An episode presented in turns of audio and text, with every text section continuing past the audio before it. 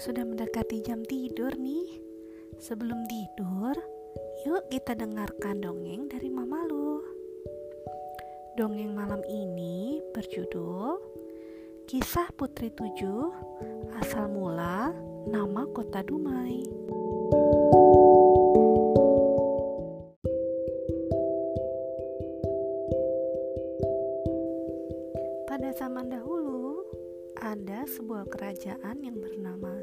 Bunga Tanjung. Kerajaan tersebut dipimpin oleh seorang ratu yang sangat arif dan bijaksana. Ratu tersebut bernama Ciksima. Negeri Seri Bunga Tanjung terkenal sebagai negeri yang damai. Sang ratu memiliki tujuh putri yang sangat cantik jelita.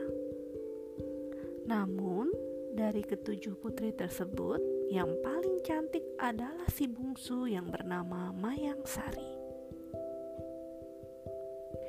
Kemakmuran kerajaan Seri Bunga Tanjung dan kecantikan tujuh putri Ratu Ciksima terdengar ke mana-mana. Bahkan terdengar sampai negeri seberang yang jaraknya lumayan cukup jauh. Kabar kecantikan ketujuh putri pun sampai terdengar ke telinga Pangeran Empang Kuala. Sang pangeran sangat penasaran dan ingin membuktikan sendiri kebenarannya. Akhirnya, ia memutuskan untuk pergi ke kerajaan Seri Bunga Tanjung dan ditemani oleh puluhan pengawal dengan menaiki kapal kerajaan.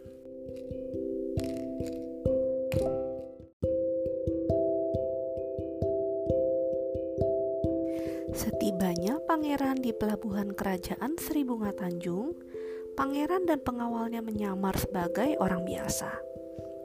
Setelah berhari-hari mencari kerajaan Seri Bunga Tanjung, sampailah rombongan tersebut di sebuah sungai yang airnya sangat jernih. Suatu hari, ketujuh putri sedang mandi di lubuk sarang Umay. Mereka sangat asyik mandi, mereka pun bercengkrama satu sama lain. Tanpa mereka sadari, Ternyata Pangeran Empang Kuala dan pengawalnya yang tanpa sengaja melewati sungai tersebut melihat putri-putri yang sangat cantik. Pangeran dan pengawalnya menghentikan perjalanan asyik memperhatikan kecantikan ketujuh putri tersebut.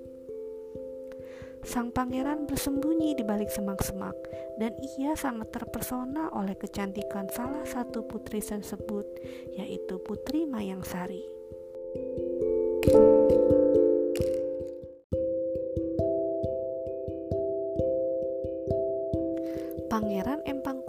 Ternyata jatuh cinta pada pandangan pertama kepada Putri Mayang Sari.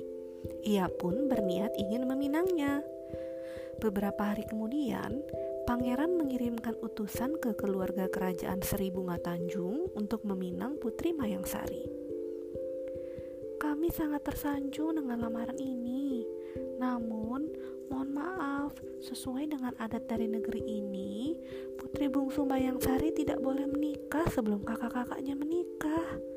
Jawaban Ratu Ciksima dengan sangat tegas kepada utusan Pangeran Empang Kuala. Mendengar jawaban yang tersebut, Pangeran Empang Kuala marah besar. Karena sangat murka, ia tidak peduli lagi dengan adat karena hatinya dipenuhi dengan rasa malu. Ia pun menyatakan perang kepada kerajaan Sri Bunga Tanjung. Mendengar kabar penyerangan Pangeran Empang Kuala, Ratu Ciksima segera menyembunyikan ketujuh putrinya di sebuah gua. Sang ratu pun memberikan bekal yang sangat banyak, cukup untuk mereka makan selama tiga bulan. Setelah menyembunyikan ketujuh putrinya, sang ratu kembali ke kerajaan untuk melawan Pangeran Empang Kuala.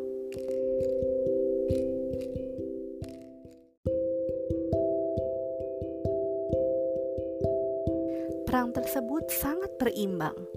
Pasukan kerajaan Sri Tanjung sangat sedikit jika dibandingkan dengan pasukan dari Pangeran Empang Kuala. Korban berjatuhan sangat banyak. Bukan hanya prajurit kerajaan istana saja yang jadi korban, tapi rakyat jelata yang tidak berdosa pun menjadi korban. Tiga bulan sudah berlalu, namun peperangan masih belum selesai. Memasuki bulan keempat, pasukan Ratu Ciksima semakin tidak berdaya. Prajurit dan rakyatnya semakin banyak yang mati. Akhirnya Ratu Ciksima meminta bantuan kepada jin yang ada di bukit hulu sungai Umai. Dengan kekuatannya yang sangat hebat, pasukan kerajaan Empang Kuala bisa dikalahkan oleh para jin dengan mudah. Sejak saat itu, masyarakat meyakini bahwa kota Dumai diambil dari kata di Umai yang selalu diucapkan oleh Pangeran Empang Kuala ketika sang pangeran melihat kecantikan Putri Mayang Sari. Hingga saat ini, gua tersebut dikenal sebagai Gua Putri Tujuh. Nah,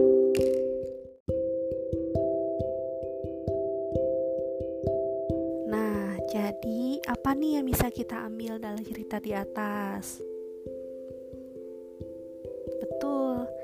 janganlah kita memaksakan kehendak kita kepada orang lain. Hal itu akan bisa menimbulkan keributan yang hanya menghasilkan kerugian di kedua belah pihak. Junjunglah dan ikuti adat istiadat di mana pun kita berada.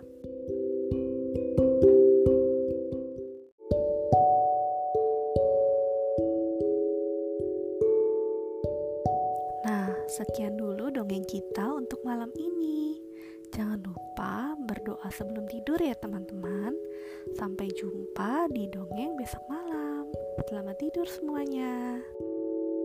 thank you